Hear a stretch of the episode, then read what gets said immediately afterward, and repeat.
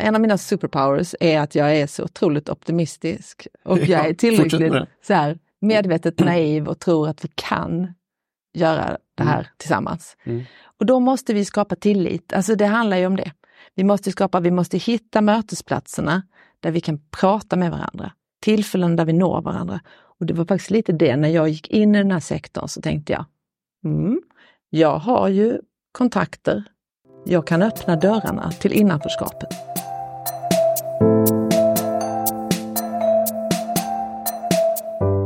Du lyssnar på Engagemanget och du hörde precis dagens gäst, Jenny Berg Nilsson, som för tre år sedan bytte näringslivet mot civilsamhället, närmare bestämt som chef för Fryshuset i Malmö. När vi spelade in det här var Jenny nyss hemkommen från Almedalsveckan, där hon varit med eh, kollegor och ungdomar från Fryshusets verksamheter. Där hon upplevde ett genuint intresse att höra de ungas röster. Här stod de bokstavligen på Donners plats och pratade om sitt perspektiv på vad unga vill ha och behöver. Och på grund av det är hon uppfylld av hopp och mod inför framtiden. Du har kommit till en plats om hopp. För trots att vi lever i en värld av katastrofer, pandemier, krig, fattigdom och allt annat elände, finns det trots allt massor av positiva krafter. Människor som vill göra gott för andra, för ett samhälle som håller ihop. Här får du höra om deras drivkrafter, tvivel, framgångar, motgångar och drömmar. Deras story helt enkelt. Jag vill att de här samtalen ska ge dig tillförsikt till framtiden.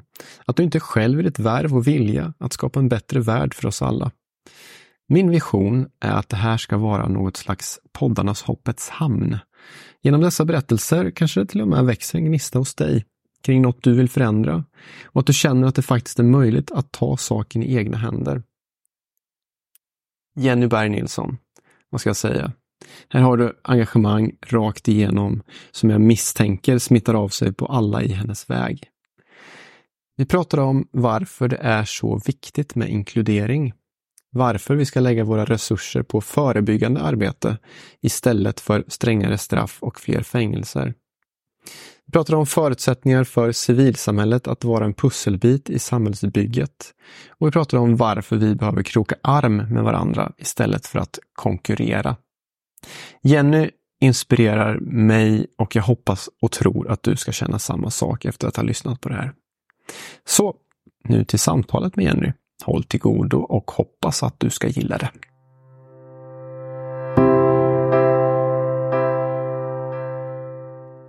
Men du Jenny, ni mm. kom precis hem från Almedalen nu. Ja. Det är ju spännande, jag har ju aldrig varit där. Det, Men, var ju, ändå... det var ju spännande att du inte har varit där. Ja, och, och, hur det kommer sig att jag inte har varit där, det vet jag inte. Men jag har nog haft en liten kluven inställning till mm. Almedalen. Som är så här, jag tänker att det är lite förmätet kanske. Men å ena sidan tycker jag det ser ut som ett arrangemang för en mm. elit, liksom, på många sätt. Å andra sidan superspännande programpunkter som jag vill vara med och så botanisera i. Så här. Ja. Hur eh, hur är alltså- ditt förhållande till Almedalen? Nej, men jag kan förstå ditt förhållandesätt. Ja. Eller så här, din för, ditt förhållningssätt. För mm. så känner jag lite också. Men jag är så glad efter den här veckan. Mm. Och full av hopp och mod. Och du vet, det var, det var både det här med att vi åkte ju dit flera från alla Fryshusen i Sverige eh, och VD och vice VD och våra kunskaps, våra experter och sen ungdomsrådet, alltså våra unga ambassadörer. Och sen bodde vi alla tillsammans. Så bara det, för att, du vet att få vara med kollegor och ungdomar så 24-7 i en hel vecka är ju jättehärligt. Men sen framför allt då våra unga, hur de blev liksom inbjudna till samtal, fick vara med i paneler. De stod på Dörners plats och berättade om sina liksom, hjärtefrågor. Så modigt! Och det gjorde ju också att de blev inbjudna till fler paneler. Så deras röster blev hörda. Så du stod mest hade... i bakgrunden egentligen? Jag hade också mina möten kan man säga, där jag också pratade för unga. Att liksom, hur kan vi jobba med att inkludera unga i allt från när man planerar en, eh, liksom, och bygger i städer Um, men att de behöv, men också hur kan man tänka när man liksom ska placera någonting, något nytt företag. Tänk om man placerar det i ett område där man inte tänker sig från början, men som gör att vi får till det här mötet. För det handlar ju egentligen om att bygga trygghet och tillit. Mm. Tillit mellan olika människor. Och när vi har det, när man lär känna varandra, så blir inte steget lika stort för att kunna anställa en ung mm. från, du vet, en förort eller med en annan bakgrund eller kultur eller etnicitet. Så det, sånt där har jag varit med och pratat om en del. Ja, du skrev ju till mig att du var precis hemkommen och full av hopp. Ja, det var det. Hopp, och, och, vi träffade politiker mm. och vi träffade eh, författare, vi träffade polis, vi pratade med dialogpolis och framförallt då unga. Vi är lite mer bakgrunden, men vi har ju också möten och samtal. Men det var så fint att se, alltså att de unga fick nyfikna, intresserade frågor från makthavare som faktiskt, upplevde vi, vill förändra. Ja, eller bryr sig att vilja lyssna. Mm. Jag tror kanske det är eh, fördomar båda, båda håll där ibland. Mm. Att vi tror att de inte vill lyssna. Ja. Men det kanske är en vardag och en, en arbetssituation för politiker lika mycket som någonting annat som gör att de inte mm. har möjlighet till det. Helt plötsligt öppnas ju det mm. vid Almedalen, då är de ju där. Mm. Ja, de är ju där och det mm. var så, och det är också någonting att gå runt med Fryshus-loggan på sin tröja med stolthet och uppleva hur folk säger Åh, Fryshuset, hallå! Eh, att liksom, det finns en, någon form av liksom, ja men vi gör någonting som folk ser och tycker är bra. Vad var det för typ av arrangemang som ni var med i då? Oh, det var jättemånga panel, olika paneler om, som handlade dels om eh, gängkriminalitet, eh, det här att man mm. vill sänka straffåldern, vilket vi inte tycker är en bra idé. Vi tycker att vi behöver jobba främjande. Vi behöver jobba med insatser tidigt. Eh, för vi och forskare säger ju att hårdare straff inte hjälper och framförallt inte när man ju yngre man är. Det hjälper inte.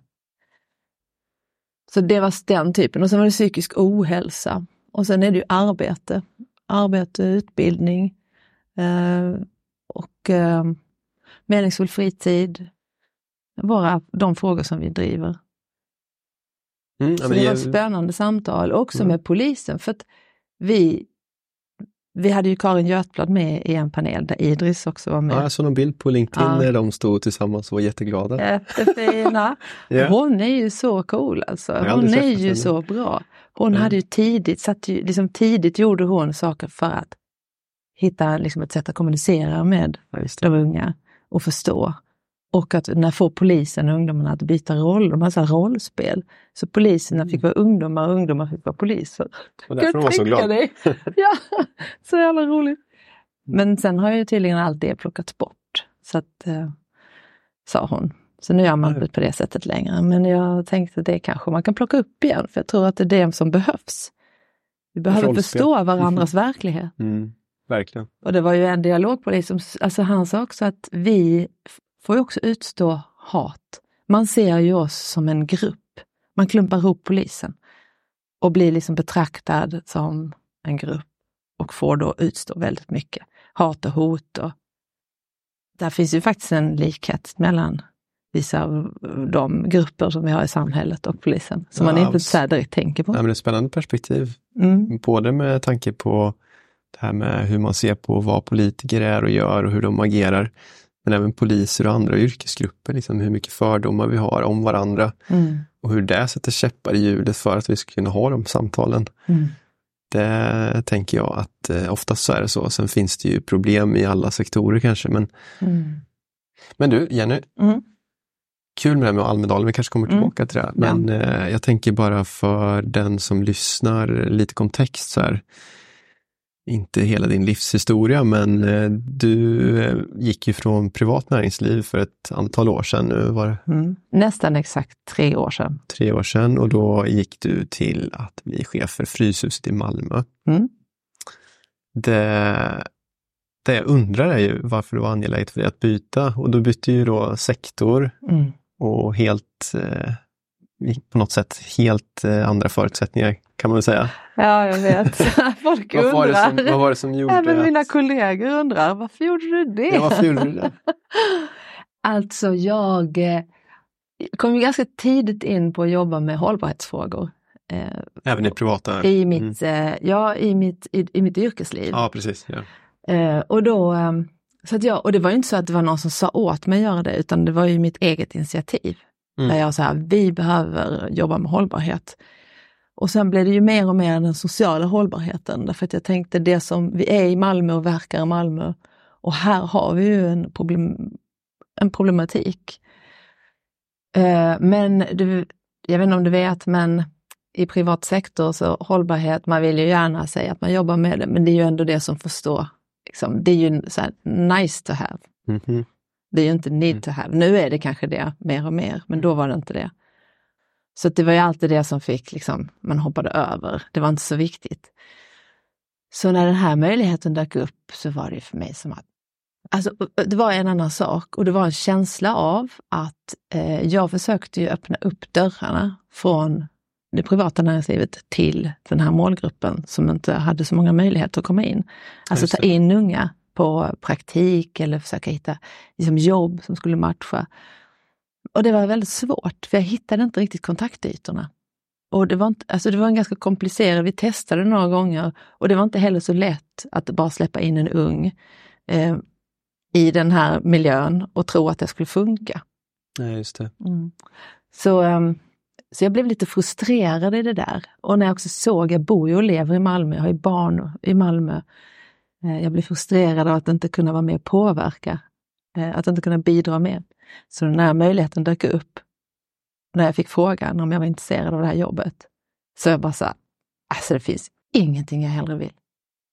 Kom... Jag, jag, hade inte ens tänkt tanken Nej, just det, du kom på det då. Ja, det landade var... i dig bara, bara på något sätt. Och så var jag så, är ni säkra på att ni vill ha mig? jag var, för jag... Men förklara mer, varför sa du så? Nej men för jag hade nog en bild av att man måste ha jobbat liksom på, med, med, med de här frågorna på ett tyngre plan, på SIS-hem, på vara socionom, ja, ja. vara kriminolog. Och jag är personalvetare med, mm. som har med psykolo, psykolo, organisationspsykologi som mitt specialområde och, eh, och såklart då kultur och hållbarhet. Men då läste jag ju den här ansökan, eller vad heter det, vad heter det man skriver, vad de ville ha helt enkelt. Platsannonsen? Ja, platsannonsen. Mm. Och då så såg jag, men det är ju jag. Det är mm. ju mig ni vill ha. Så då fick jag mod och då sökte jag jobbet. Och så fick jag jobbet. Grattis i efterhand! Ja men tack! Några år Tack. efter. Ja, tre år senare. Och jag hade ja. ingen aning om vad jag klev in i. Nej, just det. Nej, det visste jag inte. Eh, även om jag hade ju liksom koll på Fryshuset eh, sedan tidigare och jag tyckte att Fryshuset, alltså jag, min känsla var att här har vi liksom en del av lösningarna på de problemen vi har i samhället idag. Så, eh, men det var ju fantastiskt. Alltså komma in där, jag det konstiga är att jag har aldrig känt mig så hemma någonstans som på Fryshuset. Nej, det är roligt att höra. Och att jag är, är accepterad för den jag är. Ja, just det. Och att jag, min röst blir hörd. Jag behöver liksom inte slåss för att höra, alltså. Armbåga dig fram? Absolut inte. Ingen behöver göra det. Man behöver inte, inte du vet, jag, vår chef är väldigt bra. Johan Ollenqvist. Han är väldigt eh, ödmjuk och inlyssnande och smart och hör och ser. Och mina, alla andra kollegor också. Sen är det ju någonting med mångfalden på vår arbetsplats, att den är så pass stor och att alla får plats. Och det är inte ett krav att du måste kunna någonting perfekt. Du måste inte vara superbra på engelska, du måste inte ha en akademisk examen, du måste inte, utan det är den här mixen av olikhet som gör, som gör oss starka. Och där finns ju en stor liksom, ödmjukhet och prestigelöshet i det. Det låter helt fantastiskt. Mm. Men du var också, hade du någon bakgrund i, i, från civilsamhället? Nej. Nej. Mm, inte alls. Alltså jag har ju jobbat som, jag hade ju mitt eget företag. Det var ja. så jag började egentligen, förutom alla hopplösa småjobb. Så, Hopplösa små. Ja, men du du här- på med casting förstår jag. Är, Ja, det var ju det. Jag ja. utbildade mig till fotograf och så fick jag ju Ja, okej. jättemycket så här prestationsångest. Så jag Okej. valde istället att starta företag och jobba med casting Mm. och location scouting. Så jag var liksom inne i den reklam och filmvärlden i många år, hankade mig fram. Ehm, vilket jag har jättestor nytta av i det här eh, livet som jag lever nu då i civilsamhället. Med den osäkra finansieringen, en känsla av att jag, jag vet inte vad som väntar om ett halvår, men det löser sig nog på vägen. Alltså jag blir inte så orolig och nervös. Och det, eh, så måste det vara när man är i civilsamhället, för där är de ekonomiska förutsättningarna inte så bra. Nej, precis. Men nu har du fått lära dig det. Mm, jag har fått Den det. hårda vägen kanske. Mm. Eh, Men jag tänkte, för samtidigt så kastades du in i ett annat uppdrag eh, att vara ordförande för paraplyorganisationen Malmö Ideella. Det var inte, kanske inte Mm. samtidigt, men något år eller Ja, två år, år efter Ett möjligtvis. år efter blev jag invald som Så då är vice. liksom Och sen, helt plötsligt all in på civilsamhället i Malmö. vad hände? Ja, vad hände? jag jag, jag, så, då är jag nyfiken på var, Ja. också där varför då, Mm. men också vad du ser i, i civilsamhället i Malmö som är så intressant. Ja, jag tänker så här, dels Malmö Dela, det, det rimmar ju liksom. För jag tror ju på att vi inom sektorn, civilsamhällssektorn, behöver samarbeta. Att jag tror att vi måste kroka arm och se varandra som en resurs och att vi gör det här tillsammans, för då blir vi starka som sektor. Eh, när vi inte är det så finns det, då blir det konkurrens om, om, om medel. Eh, Alltså det finns ju en setting som kanske inte är jättehärlig för just oss, där man slåss. Man måste liksom anpassa vad man ska göra utifrån de utlysningarna som finns och sådär. Så jag tror ju på, jag gillar ju att ha hatten där jag jobbar för helheten, för alla. Och det tycker jag om även när jag är på Fryshuset, att tänka större, inte bara tänka Fryshuset. Så det, det här får ju en, det blir som en draghjälp, skulle jag säga. Ja, just det. Mm. Så jag har liksom både kunskap om att vara i en, liksom vara ledare för en organisation, men också det här, just det, ta ett steg tillbaka och titta på helheten. Mm, så den eh, rollen främjar det du Mm. vill åstadkomma i Fryshuset Så också på något sätt. 100 procent så. Ja.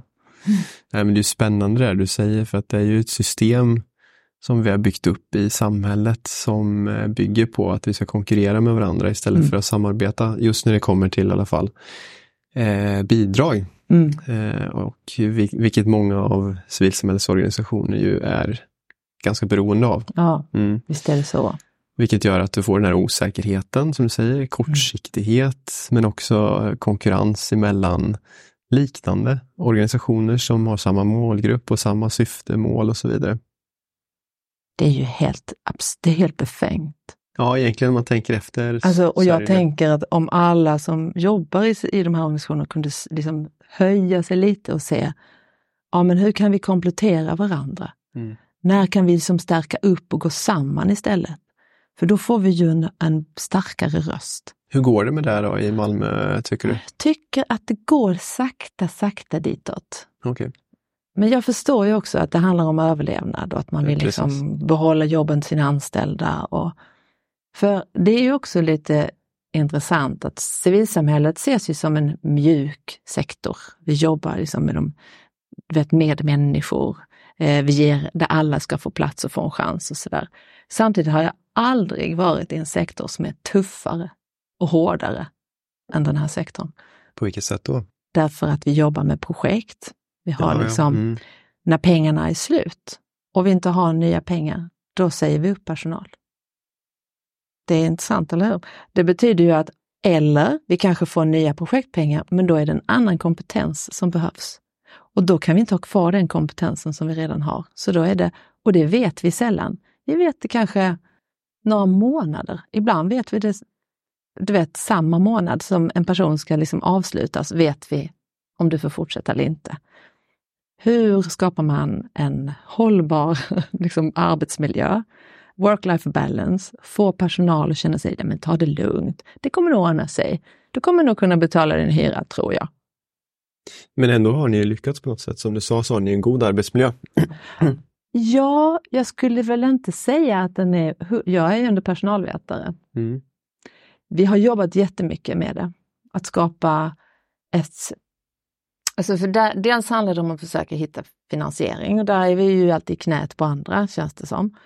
Eh, men sen handlar det om att ha en inställning. Att personalen måste ha ett mindset som handlar om att kunna leda sig själv. Men också kunna förstå liksom premisserna. Det är inte kommunen eller staten, utan det är som det är.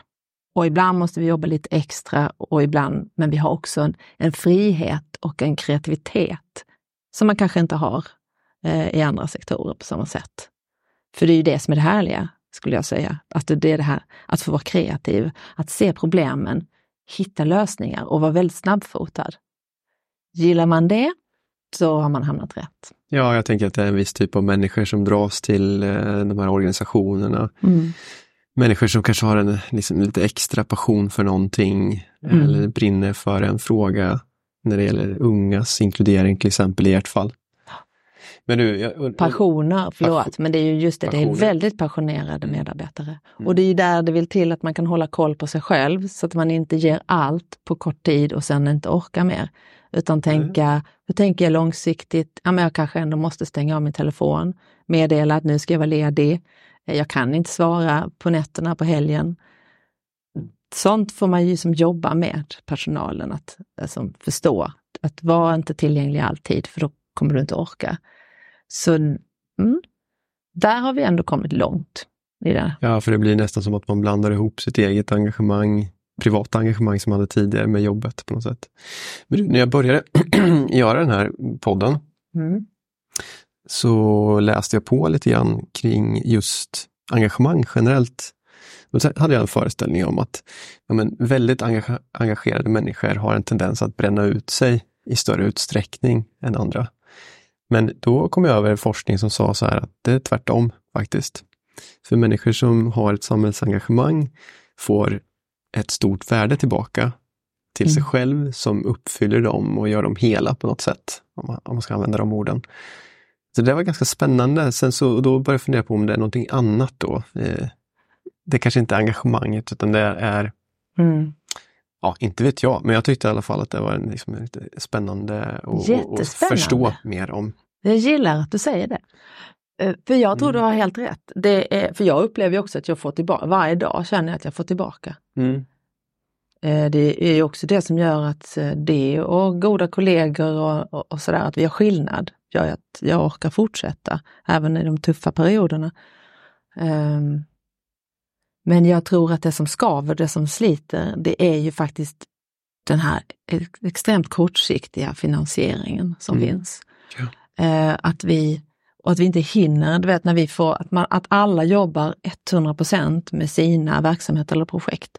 Det finns liksom inte utrymme för de här fika, vi ska ha liksom lite gemenskap. Alltså vi skapar ju det nu, för vi måste ha det mötet, vi måste kunna stötta och hjälpa varandra. Men ofta är ju alla liksom en projektledare över sin egen verksamhet. Och där kan det ju bli tufft och hårt eh, och missförstånd.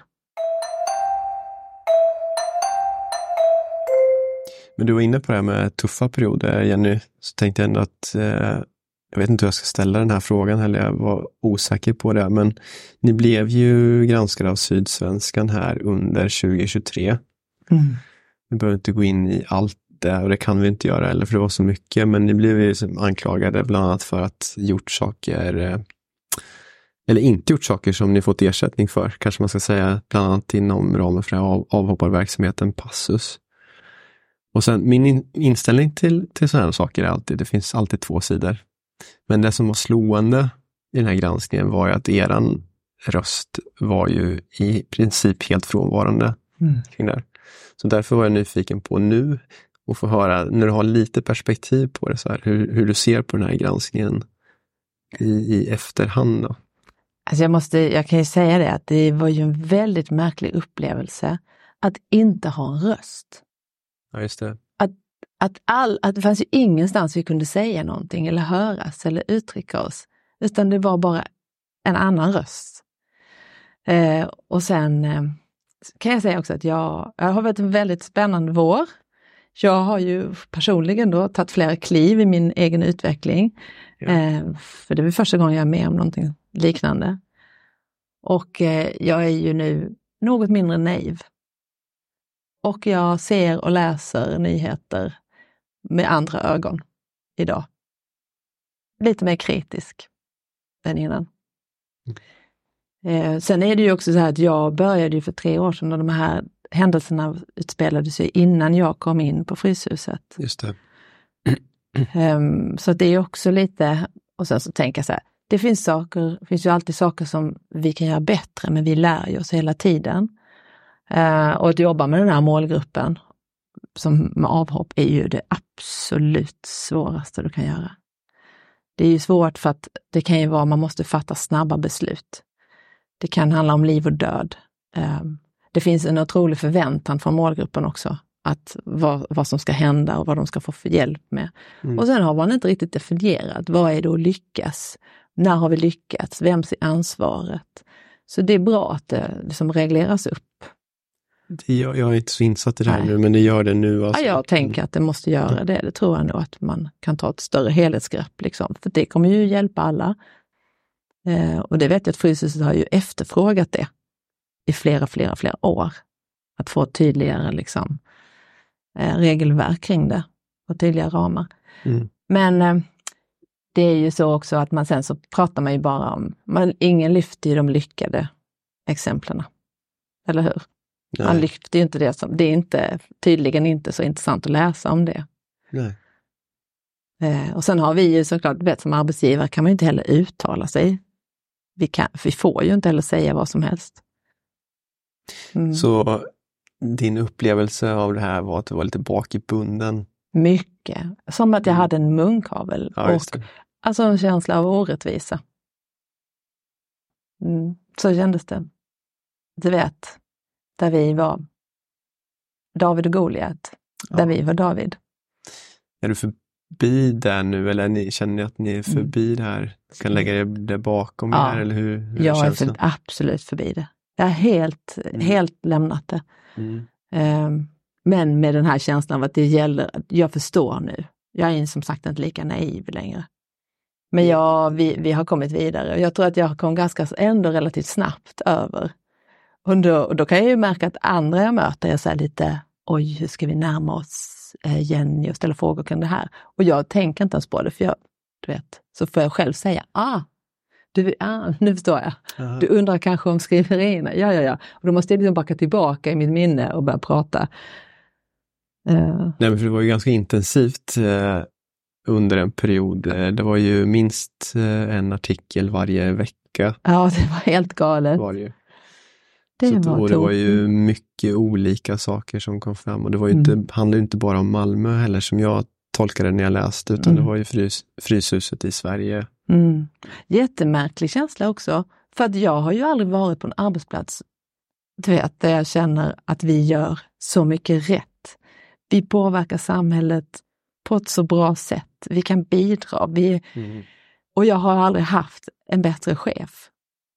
Och så får man läsa i tidningen någonting helt annat. Visst, det är ju skumt. Förstår du? Ja, ja visst. Jätteskumt. Och sen inte kunna få säga det. För att om jag säger det så framstår det bara som att, men, du vet, för att försvara sig bara. Ja. Så det enda vi kunde, vi kan bara, man kan bara vara, vi hade inget val. Än att, eh, alltså jag menar, det var ingen som ville lyssna, det var ingen som ville lyfta fram våra synpunkter. Mm. Eller?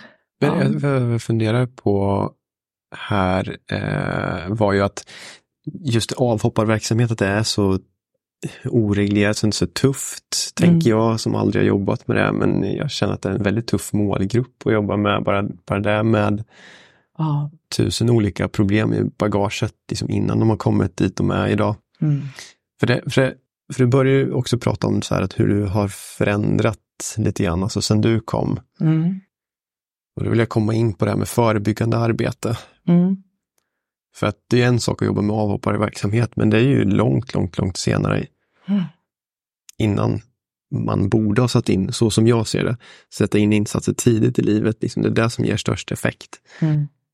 Helt, alltså jag håller helt med. Så och, jag... Ja, men jag såg ju det när jag kom så, så märkte jag ju dels att personalen var ganska sliten. Eh, och det var ju för att man hade ju haft en inriktning att jobba med personer som hade kommit långt i sin destruktivitet. Mm. Eh, och det här. Därför att det är, man, du vet, det ger, man får ge mycket till få, man jobbar mycket på djupet. Men det kanske ändå inte riktigt hjälper. Eh, så att jag valde då att göra en, en förändring och liksom till det som jag tycker, eller som är Fryshusets kärna. Och det är att jobba tidigare och jobba med hopp och jobba med ungdomsverksamheter. Passionerna. För vi säger ju att vår dörr står alltid på glänt för den som är redo att öppna upp, ta klivet in och förändra sig och engagera sig. Och det kan man liksom inte göra om man är för djupt i sin destruktivitet. Eh, och jag tänkte vi behöver liksom ha mer plus än minus. Personalen behöver också få mer liksom plus än minus för att orka vara i det här. Sen jobbar vi fortfarande med de sociala insatserna och vi möter ju, det är klart att det är tufft. Vi ser ju och möter unga som mår jättedåligt. Mm. Eh, men, för, men vi möter också unga som får en möjlighet, som gör en resa, som blir engagerade. Um, och det ger ju det, väl, det, det ger väldigt mycket. Men nu, vad jag tänkte säga också var att eh, när man pratar om förebyggande arbete så finns det en tendens tycker jag då att eh, snuttifiera det. Mm. Så det nu jobbar ni bara med eh, breakdance eh, ja, och, och, ni pysslar och du vet, mm. att man pratar om det på det här sättet som mm. att inte det är viktigt. Mm, det är jätteviktigt. Hur ser du på det? Ja, men jag säger att det är idioti, förlåt, men det är idioti att inte inse hur viktigt det är. Mm. För det där handlar ju om att dels har vi, för jag ska säga att jag har också sänkt åldern, så vi jobbar med yngre, men jag också med äldre, men vi jobbar liksom tidigare, 11-12-åringar. Därför att vi ser ju att också de blir ju indragna i kriminalitet tidigt. Eller ger upp hoppet. Och då handlar det om att ge dem möjlighet att eh, prova på olika saker, vad vi kallar lågtröskelverksamhet. Det är lätt att komma in, eh, inga eller väldigt låga avgifter. Så att alla ska ha möjlighet att testa på. Och då kan man ju hitta något annat, man hittar ett sammanhang, du hittar andra vuxna förebilder eller unga förebilder. Du eh, får testa på vad du klarar, vilket stärker din självkänsla. Och du tänker, kan jag klara det? Kanske jag kan klara något annat också.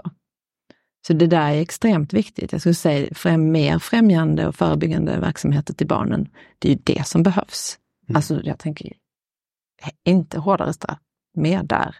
In med mer resurser. Mm, precis. Men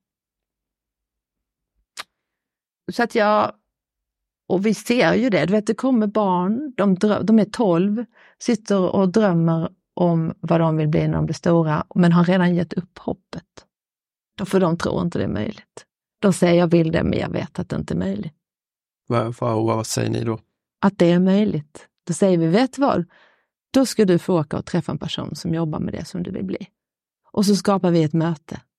Och så hittar vi en förebild, någon som de, som vi kallar då credible messenger, är ju en person som den unge kan känna igen sig identifiera sig med. Någon som har vuxit upp i ett liknande område, med liknande bakgrund och så.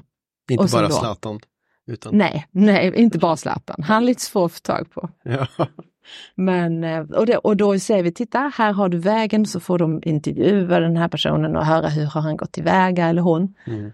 Och det är ju det som de behöver se, de behöver ju möta andra som har gjort resan. Och säga att det är möjligt. Och sen fortsätter vi, så vi har ju in, vi har ju något som vi kallar United Brothers nu. Innan hade vi bara United Sisters. Ja, det var en nyhet för mig. Ja, eller hur? Så nu jobbar vi även med killgrupper. Fint. Väldigt fint. Eh, och, då, och de är ju med själva, sätter reglerna och, de, och initiativet kommer faktiskt från dem. För de såg tjejgrupperna och var, blev lite så här avundsjuka och ville också ha en killgrupp. Så sen i höstas har vi det. Och då får de ju, där utmanar vi dem i maskulinitetsnormen. Vi pratar om hur är en bra kompis? Vad är en, en riktig man? Eh, hur känns det att vara kär?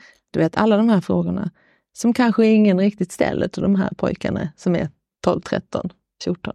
Och så får de också prata om vad drömmer de om, vad vill de bli, vad vill de testa på? Öppnar de upp i det där? Jättemycket. De gör det? Jättemycket. Vad härligt. Och de kan också, ja, det är, det är ju fantastiskt och det är så härligt och roligt men det är också sorgligt för vi får ju också indikationer på att de är rädda för äldre killar som de vet har vapen, där de inte riktigt vågar eh, säga nej. Jättestort nej, problem.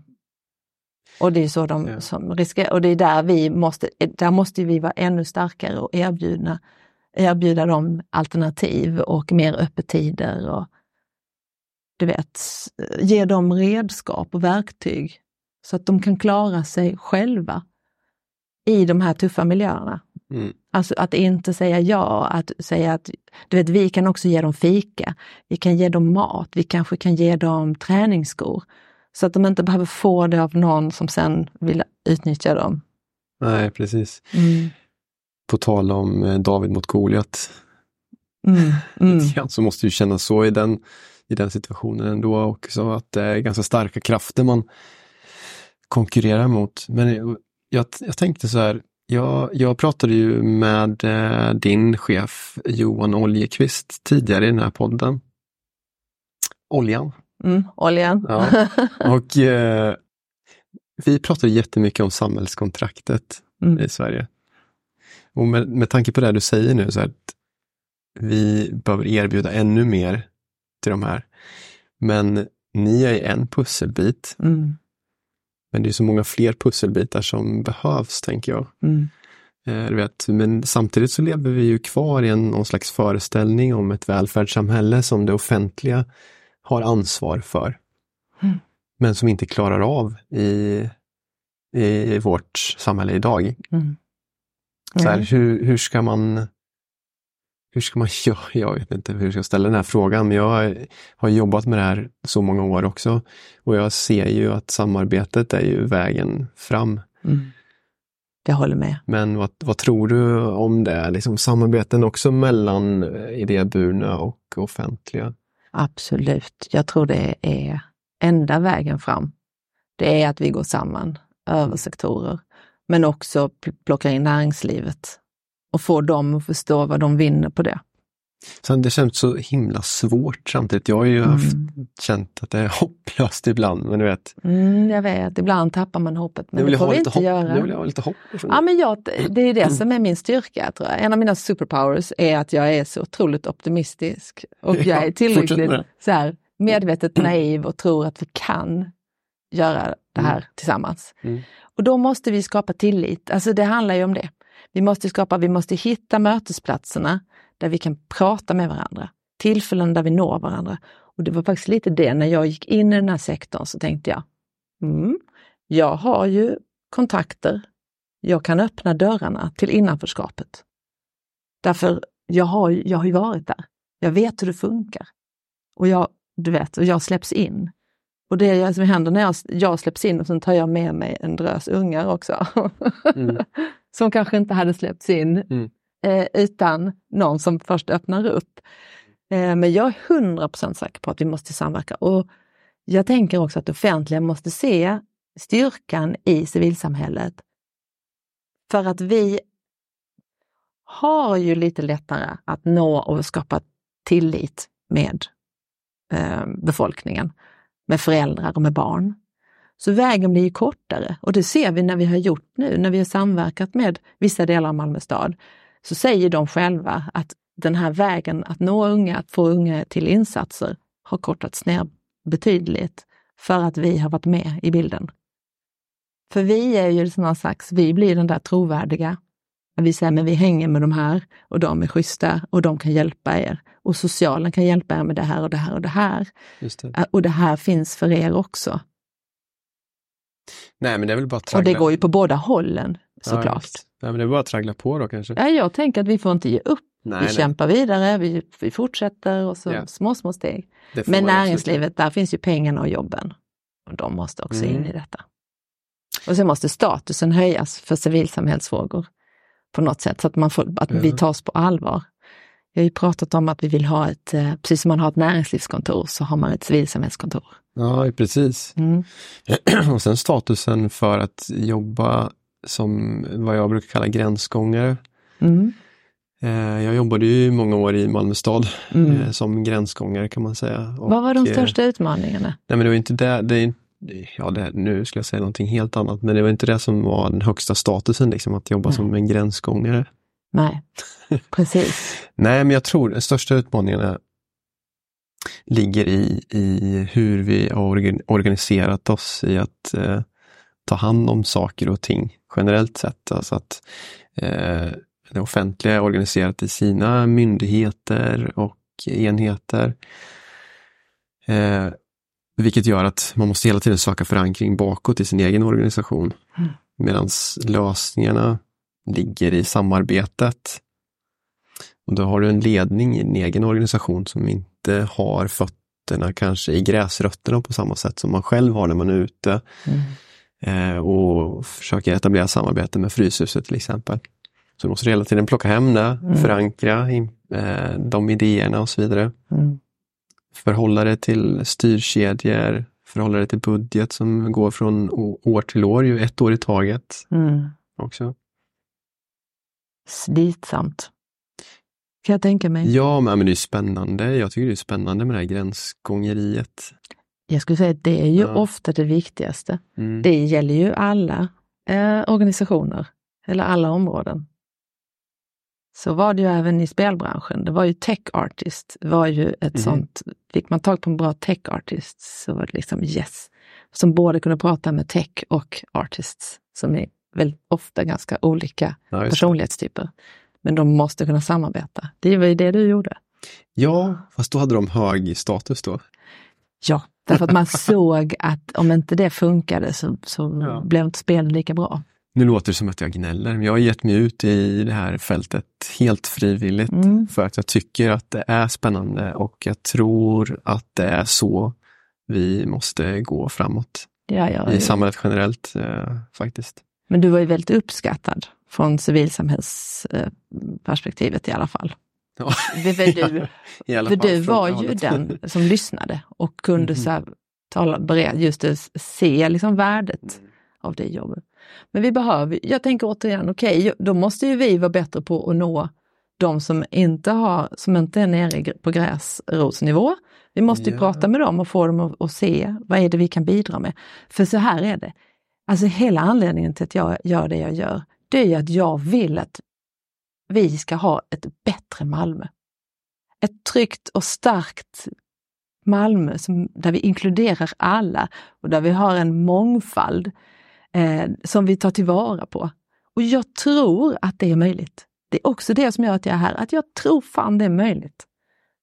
Men då måste alla chippa in och vi måste hitta de som är visionära nog att mm. se vad det är som behöver göras. Och jag menar egentligen så ska ju inte mitt jobb behöva finnas. I den bästa av världar så ska vi inte behöva finnas alls. Men nu är inte världen bra än. Så då måste vi finnas där och, och liksom peta på det som inte funkar, lyfta de ungas röst, knacka på dörrarna till makthavare, öppna upp dörrarna till näringslivet och få dem att fatta att det spelar ingen roll hur bra ni har det där ni sitter. För att ett ojämlikt samhälle är skadligt och dåligt för alla, även för de rika och privilegierade. För de kommer inte våga röra sig på gatorna. Alltså det kommer ju sluta med att man har bepansrade bilar, att man liksom har gated communities. Jag tror ingen i Sverige vill hamna där. Nej, För när klyftan och polariseringen ökar så blir det ju mer vi och dem och då växer ju också hat och, yeah. och, och, det blir otryggt. Så att, nej, jag tänker det, kom igen nu liksom. Det kommer bli jättebra för er och mer gynnsamt för era affärer, för ibland får man ju prata så. Just det. Att det finns en ekonomi det det i det mm. för er också. Men det kanske är det också, på riktigt. Ja, men jag tror att det är mm. gynnsamt för affärerna. Jag tänker på det här med inkludering. Då är det inkludering på alla plan mm. på något sätt, mm. om jag tänker tanken färdigt. Ja. Men, men det, det som kanske är extra viktigt är ju här de målgrupperna som ni jobbar med och med tanke på det du sa helt inledningsvis om hur man som person, som ung person växte genom att få stå på Donners plats i, i Visby och mm. prata för sin sak. Mm. Jag tänker, eh, det här med inkludering, hur, hur, ser du på, på det ifrån Fryshuset? Du har varit inne på det lite grann, men varför är det så himla viktigt? Ja men det är ju, alltså jag skulle säga så här, Fryshuset, vi brukar säga att vi är till för alla. Mm. Alltså alla unga. Mm. Eh, oavsett var det kommer ifrån, men vårt hjärta slår lite extra för dem som har ett större behov, eller lite mer utsatta. Men egentligen är tanken att vi ska få världar att mötas. Eh, på tal om inkludering då, hur får vi alla ungdomar att känna sig trygga med varandra? Att få ungdomar att röra sig mellan områdena och ha vänner överallt. Det är ju någonstans det. Och jag tänker inkludering, det handlar ju om demokrati. Om, vi inte, om inte unga känner att de har en röst, om de inte är inkluderade i samhället. Det här är en demokratisk fråga, alltså en demokratifråga. Eh, då är de inte heller med och påverkar det land som växer fram eller det samhället vi får i framtiden. Och då blir det ju också, där finns ju också en risk då att det blir ännu mer polariserat, för deras mm. röst finns inte med någonstans. Um, ja men det är ju, alltså, jag tycker det säger sig självt att vi behöver plocka in, vi har också ett behov av arbetskraft. Mm. Och vi har väldigt många arbetslösa. Det funkar ju inte. Vi har liksom yrken som har brist. Jag vet att så har det varit med techbranschen länge. Då måste man ju in tidigt. I ung, alltså när de är redan på dagis och förskola och lågstadie. Där måste man ju in och prata mm. och visa då att de är välkomna. För det finns ju en annan sak. Eh, jag träffade en tjej som pluggade på Lunds universitet, en ung muslimsk kvinna. Och hon sa att hon hade ju gråtit de första månaderna. Hon hade kommit in på sin drömutbildning, men hon var ju den enda muslimska kvinnan där som inte drack alkohol, som inte, du vet, hon passade mm. inte in kände hon. Och där handlar ju allt om att man, man festar, man möts liksom genom party och fest och du vet hur studentlivet i Sverige är. Och hon var inte en del av det. Så hon bara, jag kommer inte få en enda vän, tänkte hon, på de här åren. Ska jag orka? Men hon orkade och tog sin examen, vilket var fint. Så hon har ju banat väg för andra. Ja, jag tror att Malmö svårt. universitet är lite mer, här är mycket mer en större blandning av kulturer och människor med olika liksom, trosuppfattning och etnisk bakgrund och, och annat. Mm. Eller hur? Jo, och man har jobbat väldigt målinriktat med att få studenter med olika bakgrund, inte minst alltså att få studenter som inte har föräldrar Alltså som inte har föräldrar som är, äh, har en högre utbildning. Mm, jätte, jättebra. Som jag gillar väldigt mycket. Jag mm. kommer själv från en sån miljö. Mina föräldrar har ingen högre utbildning. Mm. Eh, och jag började plugga på ett universitet, universitetet i Oslo och, och det vet jag inte om det berodde på det, men jag kände mig helt bortkommen mm. i den miljön. Jag känner mig väldigt utanför på något sätt. Mm. Sen så har jag jobbat mig in i det, så det har aldrig mm. varit något problem på det sättet. Jag har samma bakgrund Tom. Ja, jag hade bra. liksom Lund, det här mm. akademiska oket, att om du inte har en akademisk utbildning, examen, då är du ingen. Alltså för jag har ju gått gymnasiet i Lund ja, ja, okay. och växte upp utanför Lund, men hamnade där och insåg att oj. Men mina föräldrar är också arbetarklass. Mm. Det var liksom inte självklart att plugga. Nej. Så det tog mig ganska lång tid. Men sen gjorde jag det till slut och bara kände hur, min självkänsla liksom växte något enormt. Ja, absolut. Eh, men jag tror, det som det du sa där, för vi ser ju också att Många unga växer ju upp nu i områden där kanske ingen har då akademisk utbildning. Man mm. har inte, föräldrarna har inte jobb. Eh, det finns en hopplöshet liksom i hela området. Det påverkar ju de unga såklart. Alltså då tänker man, nej men det här är mitt, så här kommer det bli för mig också. Eh, så att vi behöver väcka det här hoppet hos dem tidigt och då behöver vi inkludera dem och ta dem till de här platserna och säga detta för er också. Och det är ju bland annat sånt Fryshuset kan göra. Att ta dem till Almedalen och träffa politiker och säga att, som lyssnar på dem, det ger ju dem jättemycket hopp om att de har faktiskt en röst som blir hörd. Men det behöver inte vara Almedalen, utan det kan ju vara aktiviteter vi gör här i stan eller bara att bara att de kommer till oss och får testa på någonting och får vara med och eh, får vara med i en sån här liten grupp där de får påverka innehållet. Och sen mm. att vi kan samverka med skolorna där också. Det pratar vi mycket om. Hur kan vi förstärka då det som skolorna gör? Mm. Eh, för då blir det också att hjälpa till med så att de klarar sin skolgång. Eftersom, vad är det, har vi 15 procent av eh, niondeklassare går ut utan fullständiga betyg. Vilket är en katastrof och ett jättemisslyckande. Det är det ju. Mm. Jenny, jag tänkte vi skulle försöka avrunda det här på något sätt och jag vet inte helt hur, men eh, eh, det är Jo, det vet jag nu. För att mycket av det vi har pratat om, tyck, jag tror vi är överens om det, att det är superviktigt att jobba med förebyggande arbete och jag tror du själv sa det, att det här är mjuka värden vi jobbar med på något sätt. Mm. Eh, och, och, och, där har jag kommit eh, in och börjat liksom tänka kring det här med att mäta effekter. Och jag är så kluven till det här fortfarande, kring effektmätning. För att å ena sidan så känns det som att alla vi som jobbar med den här typen av frågor förväntas att göra det nu. Att kunna visa på något sätt att vi, vårt arbete betyder någonting. Det betyder någonting att vi skapar de här mötena mellan de här unga och de här politikerna till exempel. Men hur tusan liksom ska vi mäta det? Mm.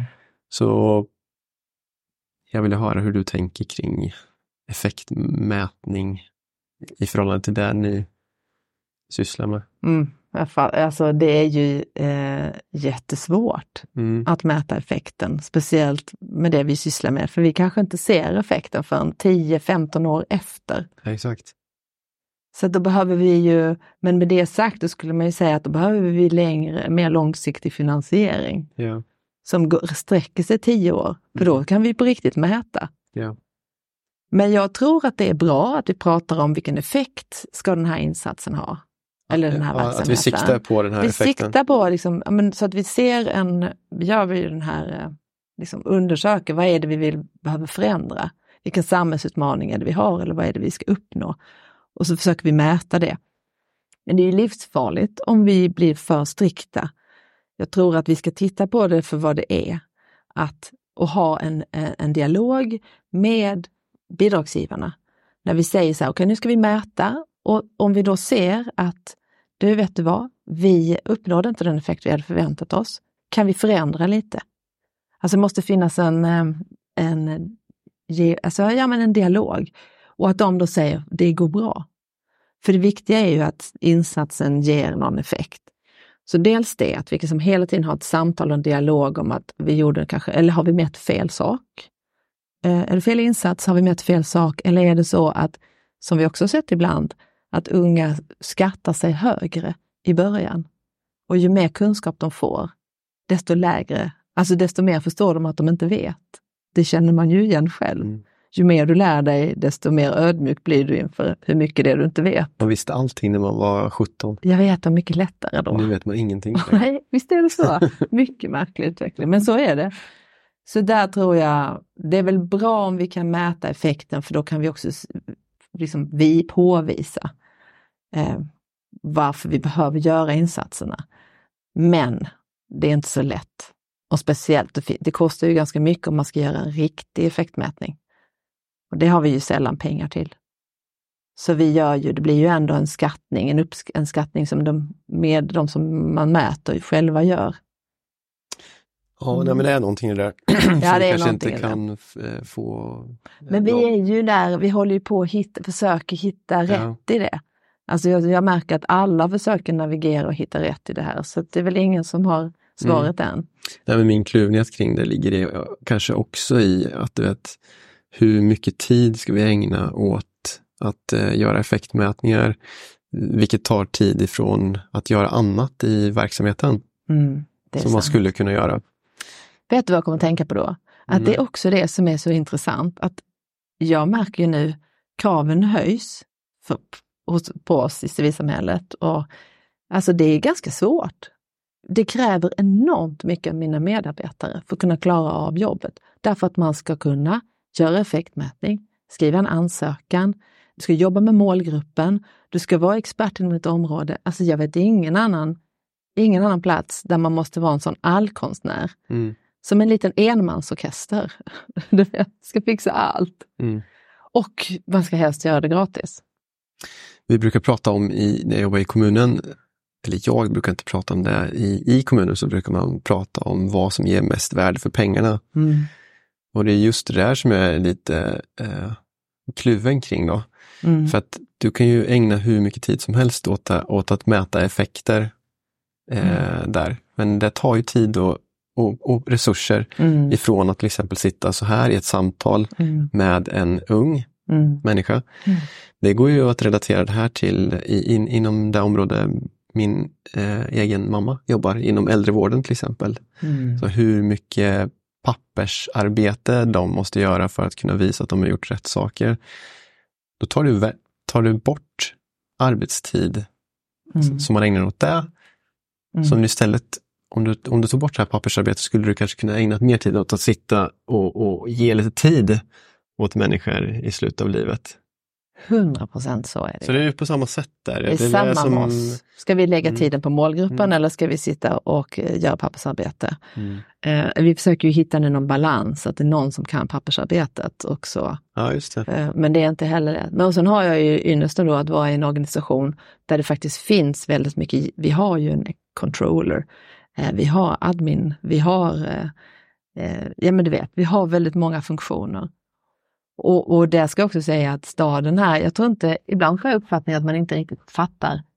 Man ger ett bidrag till Fryshuset, men vi förmerar ju det många gånger om.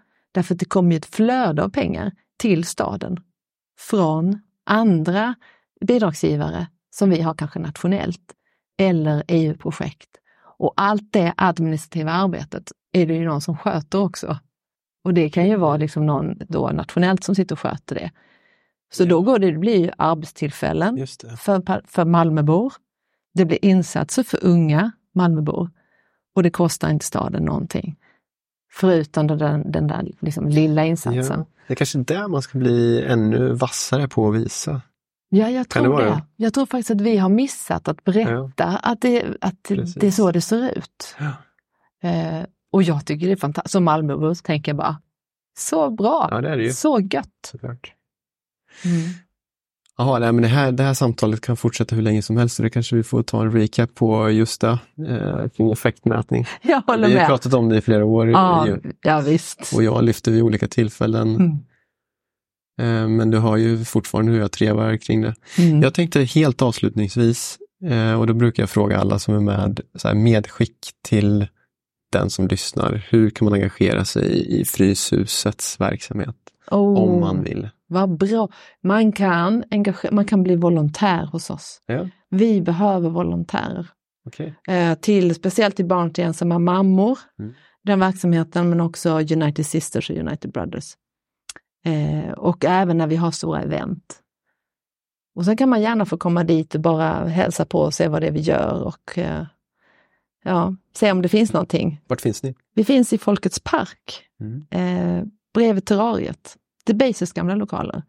Det var också en medvetenhet, alltså när vi flyttade dit så var det att få den här platsen som känns väldigt inbjudande och mitt i stan och, och liksom positiv och härlig och där man kan, vi har en scen, vi har musikstudio, vi har dans och så vidare.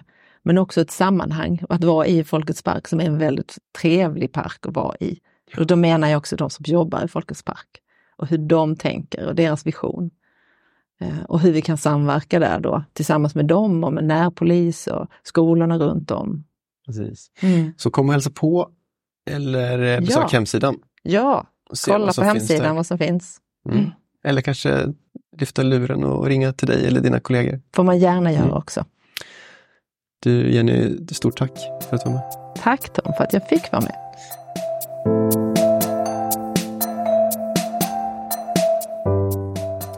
Det var allt för idag. Tack för att du har lyssnat. Om du gillade det du hörde så skulle jag bli hemskt tacksam om du delade avsnittet vidare i ditt kontaktnät.